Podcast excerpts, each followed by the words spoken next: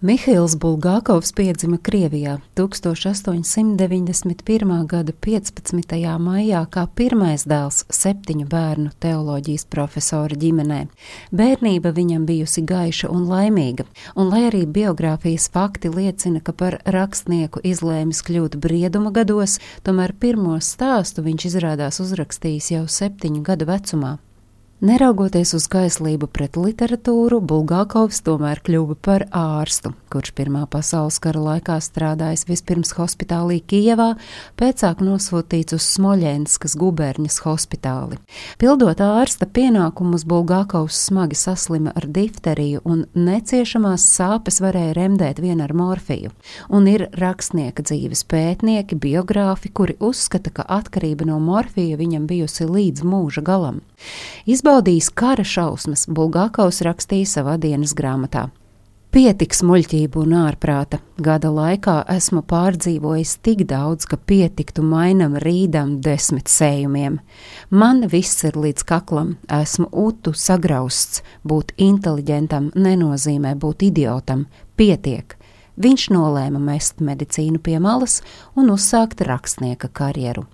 Pirmās esejas tika publicētas un viencēliena humoreskas iestudētas, tiesa pats autors tās augstu nav vērtējis. Bulgākova radošā aktivitāte iekrita laikā, kad Krievijā pie varas atradās bolševiki. Cenzūras apstākļos viņš bija spiests piemēroties, bet nevienmēr tas izdevās. Bija laiks, kad viņa darbus nepublicēja neviena izdevniecība, un visas lūgas izņēma no teātru repertuāriem.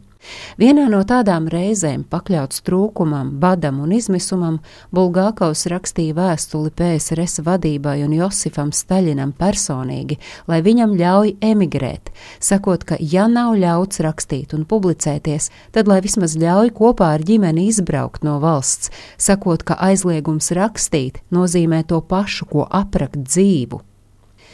Tad par Bulgākovu apžēlojās un izdevniecības atkal drīkstēja publicēt viņa darbus, bet teātriem atļāva uzvest viņa lūgas. Tomēr vēlāk rakstnieks atkal krita nežēlistībā, turklāt sašķobījās viņa veselība. Dzīves beigu periodā viņam pats svarīgākais bija pabeigt sava mūža galveno darbu, romānu Meistars un Margarita. To viņš vairāk kārt pārakstīja, rediģēja, turpināja pilnveidot tekstu līdz pat aiziešanai mūžībā. Pēdējās izmaiņas tajā rakstnieks veica vēl divas nedēļas pirms nāves, kad jau bija akls un diktēja labojumus priekšā sievai. Kopš 1940. gada februāra tuvinieki un draugi pastāvīgi dežūrēja pie Mihaila gultas, bet 10. martā viņš atstāja šo pasauli. Neraugoties uz viņa sarežģītajām attiecībām ar varu, valstī bija izsludinātas tautas sēras, Maskavā gan acu mirklī izplatījās baumas, ka rakstnieka pēkšņo saslimšanu izraisījušas okultās nodarbības, sakot, ka viņš ir aizrāvies ar vēlns viņa sazin ko. Bulgākaus samaksājis par to ar savu veselību un viņa pāragrā nāve, esot viens sekas saistībai ar nešķīsto spēku pārstāvjiem. Cita versija tikpat pārliecinoši pauda, ka pēdējos dzīves gados viņš faktiski padevies liktenim un vēlēdamies pats iespējami nesāpīgāk pasteidzināt savu aiziešanu, Mihails tomēr atkal bija nonācis morfija gūstā un tas tad arī viņu noveda kapā. Mihails Bulgākovs apglabāts Novodevičes kapsētā Maskavā un to rotā kāds dīvainas formas akmens. Sākotnēji tas bijis uzsliets uz Nikolai Gogoļa kapa, un līdzības ar leģendāro Jeruzalemes kalnu dēļ nodēvēts par Golgātu. Kad izlēma Gogoli pārabedīt citā vietā, akmens vietā uzstādīja viņa bisti. Golgāta akmenim vietas tur vairs neatradās.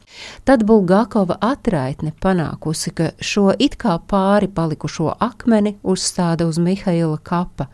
Pētnieki saistībā ar šo faktu uzsver, ka zīmīga ir savulaik Mihaila izteiktā frāze, kas it kā domāta Gogolim proti: skolotāji, apsedz mani ar savu šineli, stāstīja Agnese Drunka.